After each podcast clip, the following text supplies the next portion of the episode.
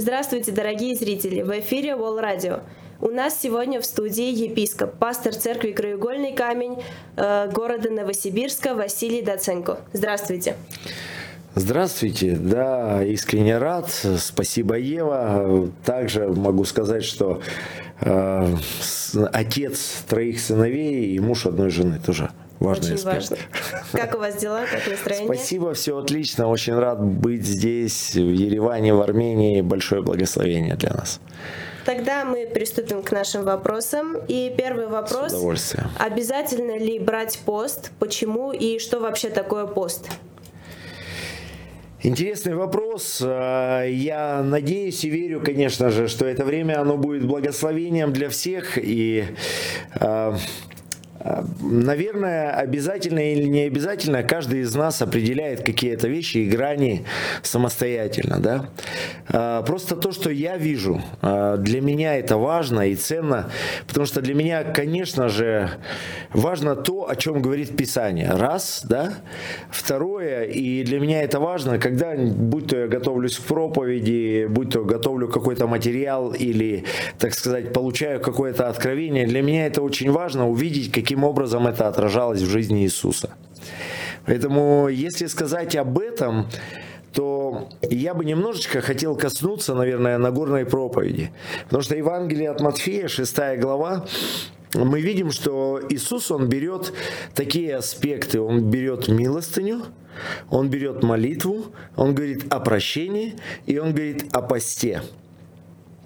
И заметьте, что сегодня очень многие люди, христиане, я имею в виду, они говорят и касаются, что это очень важно, милостыня, даяние, что это сущность наша, что это проявление сущности Божьей.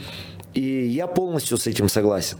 Сегодня так много написано книг о молитве. Как нужно молиться, почему нужно молиться, что это общение с Богом и так далее. Но интересно, когда мы с вами посмотрим на горную проповедь, то наш Спаситель и наш Господь пост ставит в одну и ту же линию. То есть он говорит, когда вы будете творить милостыню, интересно, задумайтесь, что Иисус вообще не подразумевает, Он не ставит, там нету, не используется этот оборот речи «если». Он говорит, когда вы будете творить милостыню. Он говорит, когда вы будете молиться – и в этой главе единственный оборот, где употребляется «если», это в моменте с прощением. Он говорит, если будете прощать, то и Отец ваш Небесный простит. А если не будете, но дальше он переходит, и заметьте, что он говорит дальше. Он говорит, а когда вы будете поститься – Наш Господь и Спаситель тоже не вкладывает э, смысл, что когда, если мы будем. Он говорит, когда. То есть он рассчитывает, что мы будем поститься.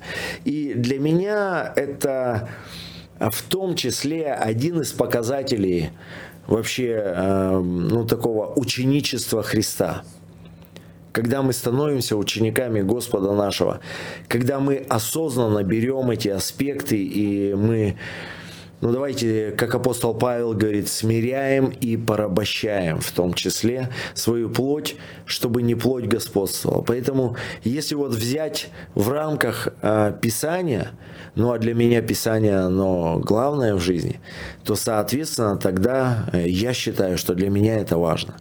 Ну и тем более я вижу, что это проявлялось в жизни моего Господа и Спасителя Иисуса Христа, он постился, тем более я вижу, что он говорил, когда его э, фарисеи и там э, другие пытались обвинить, что ученики не постятся. Он говорит, подождите, настанет их время, просто сейчас жених с ними, когда я уйду, и они будут поститься. Я вижу, что апостол Павел употребляет в послании Коринфянам такой оборот, что он часто пребывал в постах. Поэтому, ну, конечно, я тогда считаю, что это важно. Вот, если там, э, потому что просто это такой большой э, вопрос, да. и там немножечко, ну, э, сразу, что же такое пост, и я чуть-чуть коснулся этого, и для меня пост э, это ну как-то вот мое внутреннее определение, то, которое я нахожу, на самом деле определение очень много поста. А, но я понимаю и осознаю, что это некая печаль ради Бога. То есть, э, несмотря на то, что э, Иисус говорит, помажьте свою голову, там, не постить, но организм, чем дольше пост, тем больше организм уходит в такой некий Э, спящий режим, некий режим самосохранения. И порой даже ты и не хочешь, чтобы тебя люди увидели постящимся, но если э, постящимся, но если это долгий пост, они могут увидеть. Поэтому пост это осознанное смирение перед Богом. То есть это не э, то, чтобы мы выкручиваем Богу руки, а то, что мы смиряемся наоборот перед Богом, и мы способны принять Его волю. Ну, может быть, такое некое вступление вкратце. Спасибо большое. Очень с интересной стороны вы это описали, рассказали. И следующий вопрос очень интересный. Пост и диета. Многие люди хотят похудеть и как бы хотят приурочить это к посту, то есть берут пост, и тем самым вроде я и похудею, и пост взяла, какая я молодец. Очень много статей, вроде берите пост Даниила, потому что угу. организм э, как бы оздоровится, и похудеете, и пост. Вот как вы на это смотрите? А, а здесь я думаю, что все-таки многие вещи нам нужно рассматривать через призму своих мотивов. А, мне очень нравится наш старший пастор объединения, он пасторов учит и говорит, что мы как пасторы, мы как лидеры, мы призваны пересматривать свои мотивы. И тем более, когда вопрос касается каждого человека, каждого христианина. Кстати, в Нагорной проповеди, где мы с вами э, сейчас только касались, угу. Иисус больше делает ударение именно на мотивах, на внутренних мотивах, в тех или других аспектах. И поэтому, э, смотрите, он говорит, что ну, когда вы будете поститься, то сделайте так и так и так. Поэтому нам мотивы, они очень важны и очень ценны. И здесь вот что это, диета или, а, ну, если о посте говорить больше и немножечко развернуто, вообще все заповеди, которые я вижу в Писании, я точно знаю, что Бог, когда говорит не делай этого или этого или этого, э, Бог не хочет загнать э, нас в рамки. Бог на самом деле ищет благо для нас. Сто процентов во всем, я больше чем уверен. Если даже мы говорим о четвертой заповеди, почитай отца и мать, и он сразу же дает обетование, он говорит, чтобы продлились дни твои на земле. То есть мы видим обетование. И пост однозначно приносит благо. Я могу очень много говорить в плане оздоровительных моментов э, в вопросе поста, что он выводит токсины, что многие люди свидетельствуют об исцелении. Э, моя мама, э, беря короткосрочные срочные посты получила исцеление от тяжелой формы псориаза. То есть у нас многие люди, которые свидетельствуют об исцелении. Но поймите, это не сам факт. Мы смиряемся перед Богом. И, конечно же, я точно знаю, что в посте есть массу благословений. Но вопрос, что мы делаем? Все-таки мы же не можем Бога обмануть. Угу. То есть я думаю, что диету нужно назвать диетой. Пост нужно назвать постом. Потому что, ну, если мы делаем это ради смирения перед Богом, ну, зачем две-три вещи там соединять и так далее. И здесь очень важно а, в посту, да, а, может быть, э, забегая вперед, но тем не менее я коснусь, потому что в самом посту, особенно когда вопрос касается длительного поста, а, важная часть, как вы проходите пост, и очень важная часть, как вы выходите из поста. Потому что очень часто люди могут потоптать даже ну, результаты, да, которые он может получить в посту. Поэтому я бы не советовал это, ну, потому что все-таки э, это важно, это ценно, чтобы мы искали Бога. Для меня я в посту получал очень много откровений. Э, мне в посту открывались там книги, там числа, левит, которые, может быть, там многим верующим не так интересно читать. Просто получал откровение. И именно это было в период поста. Спасибо большое за ответ. А, и есть ли разница в том, на сколько дней мы берем пост? То есть на 3 дня или на 80 дней? Есть ли в этом разница вообще? А, ну, а, разница, я думаю, всегда есть. А, но вопрос, наверное, опять же, в большей степени в мотивах и в нашем сердце. И одно, что когда я рекомендую э, пост, да, и когда, допустим, мне кто-то подходит в церкви и говорит, э, там, человеку, у человека вообще не было практики поста, и он говорит, меня Бог ведет э, в 40-дневный пост. Я верующий человек, я пастор. Но очень часто я в эти моменты говорю, может быть, тебе лучше проверить, может, это не Бог. То есть, э, потому что то, что я вижу, и то, что мне находит отклик в моем сердце, то, что я вижу, что Бог, Он вводит человека постепенно. Он вводит его по лодыжку, он вводит по колено, он вводит по пояс. И он, то есть это во всем, во взаимоотношениях с Богом мы можем видеть эту руку. И то же самое, как с молитвой. Да, некоторые люди там, ой, я всю ночь буду молиться на коленях там, и потом через 15 минут уснул. А, поэтому, может быть, лучше начинать практиковать это с каких-то маленьких вещей. Может быть, для начала вообще отказаться от завтрака от обеда и ужина, например, или там взять на день, на два. То есть и постепенно, и чувствовать внутреннее побуждение, чтобы это в том числе было такое некое увлечение, потому что э, для меня вообще христианская жизнь ассоциируется с неким увлечением с Богом. Спасибо. Э, и отсюда вытекает вопрос, брали ли вы пост на 40 или более дней? Нет, я не брал на 40 дней, у меня не было ни одного поста. Самые длительные посты у меня были 21 и 22 дня, это те, которые на воде. И 9 дней был пост, который ну вообще без воды, то есть без всего, то есть полный пост. Mm-hmm. Вот как бы, а, а, ну понятно, я не беру там 10, 14, 7 дней и так далее, но как-то не было у меня такого вот внутреннего такого шага, чтобы пойти на 40. Если будет внутреннее побуждение, я с удовольствием сделаю это. Но заметьте, я сразу же сделаю оговорочку, то есть я говорю о внутреннем побуждении в постах, но вообще я, мое мнение, согласно Писанию, что пост это должно быть неотъемлемой практикой. В принципе, какой-то вид поста это должно быть практикой христианской жизни. Согласна. Спасибо за ответ. Э, и сейчас немножко коснемся молитвы. Вот э, в Матфея 6 глава, 7 стих, опять из Нагорной проповеди, говорится, что э, не нужно многословить во время молитвы. Ага. Но при этом мы, как христиане, мы знаем, что нужно много времени проводить в молитве, в общении с Богом. Как вот эту тонкую грань понять? То есть не многословить и при этом много молиться. Но э, когда я вижу эту часть э, в отношении многословия, э, я вижу немножечко другую часть. Это не в принципе молитвы как таковой, а это тогда, когда люди пытаются для Бога придать важность своей проблеме. Вот я вижу в этом, да, потому что он говорит, что, ну, ибо Отец ваш, он знает прежде вашего прошения, да, в чем вы имеете нужду. То есть, и вот у меня это отклик именно находит в этой части. То есть, время проводить в присутствии Божьем мне очень нравится, это э, находит э, большой отклик в моем сердце. Слова Свинтвигерсверта. Он когда-то сказал, ему задали вопрос, как много э, вы, вы проводите времени в молитве? Сказал, не знаю. Знаю лишь одно, что я все время нахожусь в промаливании.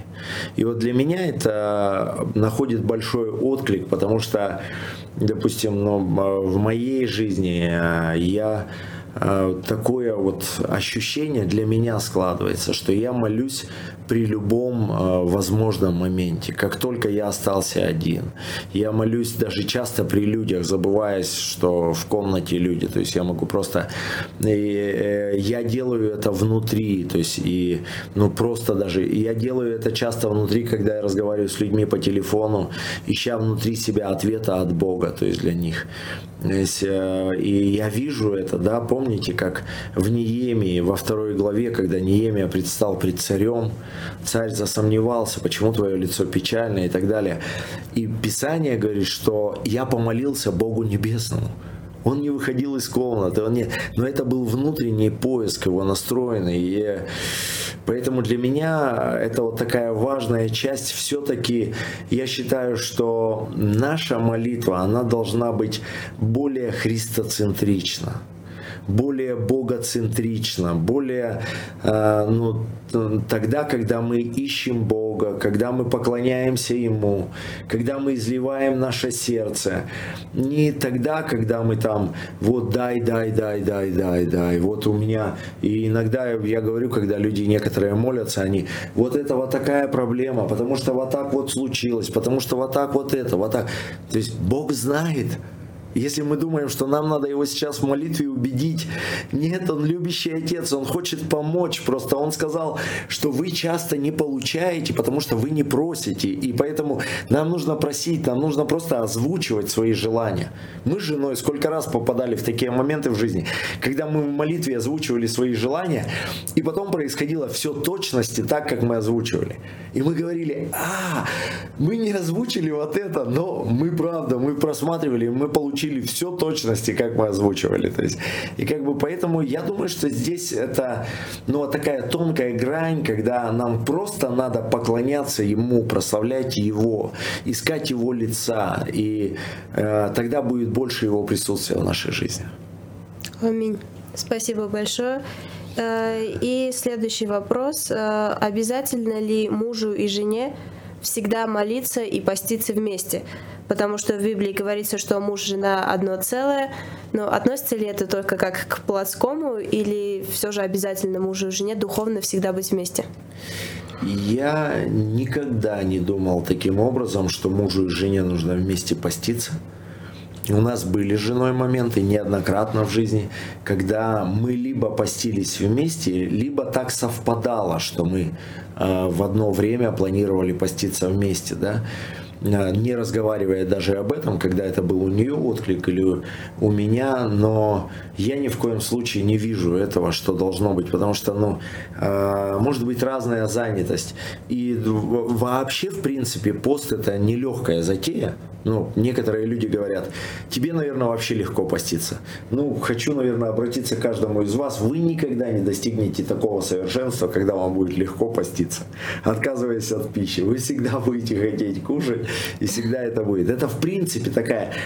Посмотрите, а, вот для меня всегда, когда я планирую поститься, я смотрю, здесь в графике поездка, здесь встреча, здесь день рождения, куда меня позвали, здесь венчание, где нужно быть, здесь, то есть и всегда, то есть какие-то мероприятия, то есть это само по себе не, не легкое вот время найти это время для поста и такого уединения.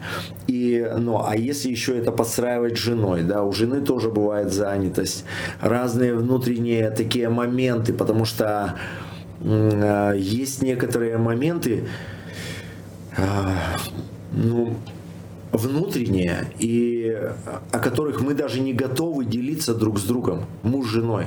Понимаете? Потому что, допустим, я э, мужчинам, братьям рекомендую поститься, когда они просто сталкиваются внутри с какими-то искушениями просто с искушениями. Может быть, искушение в отношении противоположного пола. Может быть, в отношении финансов. Может быть, еще что-то. И понимаете, допустим, если вдруг у мужа началось там искушение какое-то там связанное там, не знаю, с какими-то моментами, он начал смотреть, он не всегда готов поделиться об этом с женой. Или, может быть, у жены. То есть, и, а, конечно, он может попросить жену быть поддержкой для него. Просто ну, можешь, давай вместе возьмем пост. Но я так не думаю, что нужно, если есть возможность, конечно, это, наверное, классно. Это хорошее время уединения.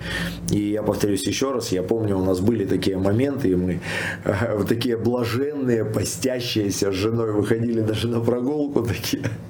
То есть в этом плане, то есть оба такие в длительном посту, то есть еще мы тогда, я бы, ну, тот случай, который я вспоминаю, мы постились вообще без еды и без воды, то есть и вышли такие, есть, как не от мира сего, то есть, ну да, наверное, хорошо, мы поддержкой являлись друг для друга, но не всегда так получается. Хорошо, спасибо большое. Э, и нужно ли обязывать своих детей брать пост? Э, обязывать точно, думаю, нет. Увлекать, да. Потому что э, у нас, вот взять Давида, нашего сына, у нас все дети а, в подростковом возрасте, они постились, самостоятельно принимали речь, принимали решения. Для кого-то это было легче, для кого-то сложнее. Кто-то говорил, что я пошел в пост на день, при этом а, вечером уже начинал кушать. Ну, неважно, как они начинали, хотя бы. Но они были увлекаемы примером. Допустим, когда у нас Давид начал поститься, я думаю, что он первый раз начал поститься. Давид, может быть, не скажет, но я думаю, что лет в 11-12. Я помню, что Наташа, даже э, супруга, она даже немножечко начала на него ругаться. Ты чего? У тебя растущий организм, тебе надо э, кушать. И, ну, я помню, то есть, э, но он как бы был в этом вопросе смелый. И я помню, что для него это не всегда давалось легко, там, день, два, три, а заставлять детей, я думаю, ну, у нас даже на это морального права нет. Ну, смысл еще, что мы можем добиться этими заставлениями? Да. В принципе, даже никого не важно, взрослых людей, там, ну, тем более детей, ну как заставлять? Хорошо, спасибо. А, и можете ли вы раскрыть как бы основные принципы поста, то есть что нужно делать во время поста, то есть не просто так, а Хорошо, но так как я коснулся, что я не считаю, что пост это диета, mm-hmm. я не считаю, что пост это голодовка, э, я не считаю, что пост это выкручивание руки Богу. То есть э, мое мнение, что пост, как я уже сказал, это некая печаль ради Бога. Это тогда, когда мы смиряемся перед Богом. Моя рекомендация в посту. То есть, во-первых, к посту желательно подготовиться. Тем более, если пост длительный. Если пост хотя бы даже 2-3 дня, уже стоит подготовиться готовится. Желательно, чтобы вы поели э, предыдущий день перед постом какую-то э, легкую пищу, зелень. Некоторые пытаются наистись перед постом на все три дня. Э, чем больше скушать, тем тяжелее. То есть потом... И вот, вот это вот такая вот часть. То есть в посту очень, конечно же, рекомендую искать Бога взять то время, которое вы бы потратили на приготовку к пище, на то, которое вы бы потратили на само, сам прием пищи, сколько вы тратите. Обязательно молиться, читать Писание, искать Бога и искать внутреннего смирения перед Богом. Внутреннего смирения. Это очень важно. Потому что э, я помню одну историю, она мне приходит на ум, как одна э, женщина, причем это была жена одного пастора, и она ему во время поста сказала, да, в конце концов, съешь кусок мяса и подобрей. То есть, ну, как бы, потому что он в посту был злой на всех подряд. То есть, и вот здесь это одна из, э, и Исаия, он об этом пророчествует, и он говорит, что Господь, он, ну, он говорит, что вы во время поста, вы ищете там каких-то взимания долгов, там еще каких-то вещей, но а, я считаю, что это пост вы можете взять даже ту пищу, которую вы бы съели, пожертвовать малоимущему. Финансы, пожертвовать на какое-то дело, пожертвовать в церковь, то есть на какое-то доброе дело, ну, может быть, на какой-то социальный проект, еще куда-то. То есть, чтобы это во всем вы искали Бога. И, конечно же, чтобы искали внутреннего смирения. И ни в коем случае, ни в коем случае не а, внутри быть внимательным, не превозноситься. Я такой крутой, я. Я... Можно потерять все это во время поста. Поэтому очень важно, чтобы мы искали Бога во всех наших поступках, во всех наших действиях в этом плане, в том числе. И, конечно же, выход выход с поста. До сегодняшнего дня а, самой постящие, сам, а, самыми постящимися пасторами считаются а, пасторы в Корее. Пасторы и служители в Корее. До сегодняшнего дня. До сегодняшнего дня там высокая смертность пасторов выхода из поста неправильного выхода. То есть потому что и кто-то сейчас может испугаться. Но, друзья, берем интернет. Интернет может быть во благо, может быть во вред. А нож в руках э, профессионала-повара – это замечательный инструмент. В руках маньяка это орудие убийства. То есть, понимаете, и то же самое с постом. То есть, у всего есть крайность. У всего. То есть, абсолютно. То есть, вы можете загнать это в крайности. Поэтому очень важно, как я уже сказал, смотреть за выходом с поста.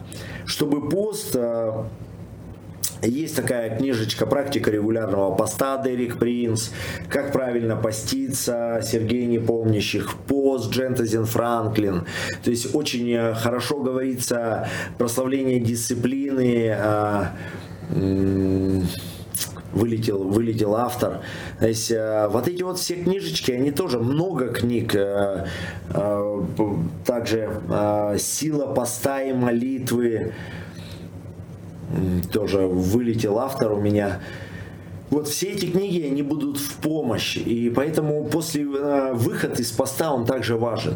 Вообще рекомендация, сколько дней вы поститесь, столько дней вы выходите. Три дня, три дня. 40 дней, 40 дней выход. И моя рекомендация, а, и я советовался, я прочитал много книг на эту тему, я разговаривал со многими врачами также, что не рекомендовано, чтобы вы выходили молочными продуктами или а, мясным бульоном, как иногда это рекомендуют. Лучше это делать сырыми овощами и организму легче таким образом, ну, если это можно выразиться, запускаться в работу, заходить вот в этот режим. Поэтому будьте внимательны и э, повторюсь еще раз, что выход из поста очень часто, он в некоторых вопросах даже важнее, чем сам пост, иначе можно ну, потоптать все плоды поста. Вау, спасибо. Я никогда об этом не думала, о выходе из поста, как о какой-то важной части поста. Да, это очень важно. Спасибо. И следующий вопрос. Э, мы очень часто, я и другие люди, э, берем какой-то промежуток времени и отказываемся от э, соцсетей, например, или от чего-то другого, то, что много времени, возможно, занимает. Можно ли это считать постом? Или же это ну как-то по-другому, что-то другое? А, когда я был молодой в своем христианском хождении, я считал, что пост – это пост только тот, который на воде, и другого вида, ну или вообще без воды. Вот это только посты. Все остальное это не пост. Я относился даже к посту Даниловскому так, ну как бы, что вот э, это люди ищут э, легких путей, так сказать. Но спустя некоторое время я понял, что это мой максимализм. И э, помните, да, когда Господь обращается в отношении десятины приношений в Ветхом Завете, в Малахии, Он говорит, хотя бы в этом испытайте меня. То есть посмотрите сердце нашего Господа. Он хочет вовлечь нас а, в отношения с Ним, вовлечь нас в общение с Ним. Поэтому, а, что касается меня, я сто процентов сто процентов уверен, что это сердце Божье, а, чтобы люди хотя бы что-то начинали делать в отношении поста. Хотя бы какие-то ограничения. Потому что я хочу обратиться к каждому из вас, каждому, чтобы мы искали возможности для поиска Бога и чтобы мы искали возможности для поста. Что если мы будем искать оправдания, почему мы не можем поститься, у нас здоровье, у нас еще что-то, у нас еще какие-то моменты, тогда мы найдем эти оправдания. Но если мы ищем возможности, мы найдем возможность. Во-первых, я знаю людей, которые отказывались от э, приема таблеток, которые отказывались э, от пищи во время поста и получали исцеление. Я ни в коем случае не говорю сейчас вам, что вы должны это сделать, потому что каждый должен сделать по вере своей. Мы должны поступать по вере. Но а всякий раз, когда мы делаем это, допустим, некоторые люди говорят, а мне нужно принимать лекарства. Но для лекарства нужно чуть-чуть. Чуть-чуть морковочки, чуть-чуть, э, допустим, тертой. И даже если вы будете во время лекарства, вы не готовы отказаться, там, допустим, от приема лекарств, вы, у вас недостаточно в этом вопросе вот такого, такой решимости, вы не готовы сделать этот шаг. Но вы можете сделать и взять, допустим, какой-то частичный, вы можете взять пост, э, допустим, в моей жизни, были разные виды поста. И я повторюсь еще раз, что ну, вот эти вот посты, я тоже считаю, они важны. Но все-таки это важно, чтобы мы искали возможности, где мы можем ограничиваться от чего-то, от пищи. Потому что я считаю, что если человек не может ограничить себя от пищи в каких-то вопросах, то у меня возникает вопрос, а может ли человек ограничить тогда себя вообще от чего-то либо другого? Потому что за пищу мы держимся. Ограничиваться от соцсетей, там, ну и важно, чтобы вы смотрели в свой внутренний мир. Потому что, ну, допустим, мне сегодня сказать, о, я возьму пост от телевизора. Но это же будет обман. Может быть, для кого-то это будет духовно. Я год возьму пост от телевизора. Но я телевизор не смотрю вообще. И понимаете, и сказать мне сейчас, что я... Да, поэтому нужно таким образом. И э, есть какие-то моменты, есть какие-то ситуации, когда вы можете взять частичный пост. Что вы? Допустим, у меня были периоды, я э, на месяц отказывался, на три месяца от кофе. Многие люди, даже те, которые будут смотреть этот эфир, э, вы знаете, насколько я любитель кофе. И для меня это, то есть кофе, это как бы, э, ну, я знаю там и умею там заваривать разные сорта и так далее. Для меня. И отказ от кофе, я помню, допустим, когда мы покупали здание церкви. И был такой период времени, мы подписали договор на здание. Мы в течение года должны были рассчитаться, даже меньше года.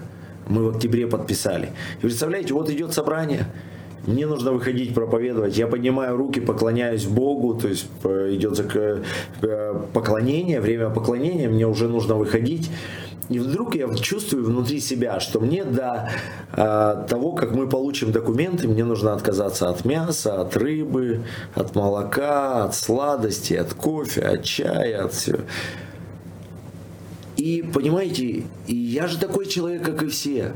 Я думаю, какая-то интересная мысль, левая мысль. Как эта мысль, как этот отказ от пищи поможет нам рассчитаться за здание, которое с ценой 37 миллионов? Как это нам поможет?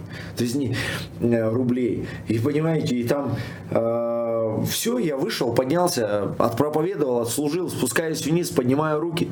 И опять внутреннее. То же самое. Я понимаю все. Но ты не знаешь, насколько ты даже заходишь. И вот таким образом у меня был опыт 9 с лишним месяцев, то есть ну, вот этого периода, такого затяжного поста, покуда мы не получили документы на здание.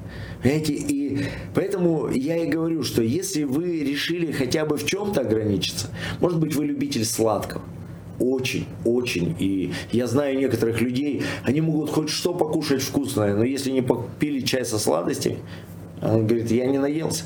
Вы можете ограничить себя от чая, от сладостей. Вы можете ограничить себя там, ну, если для вас завтрак это чуть ли не культ, вы можете ограничить себя от завтрака. Вы можете, то есть, и это не ради какого-то фанатизма, а ради поиска Бога, ради смирения, ради того, чтобы вы могли в себе искать эти дары и проявления вот этих вот даров Божьих, плодов Божьих.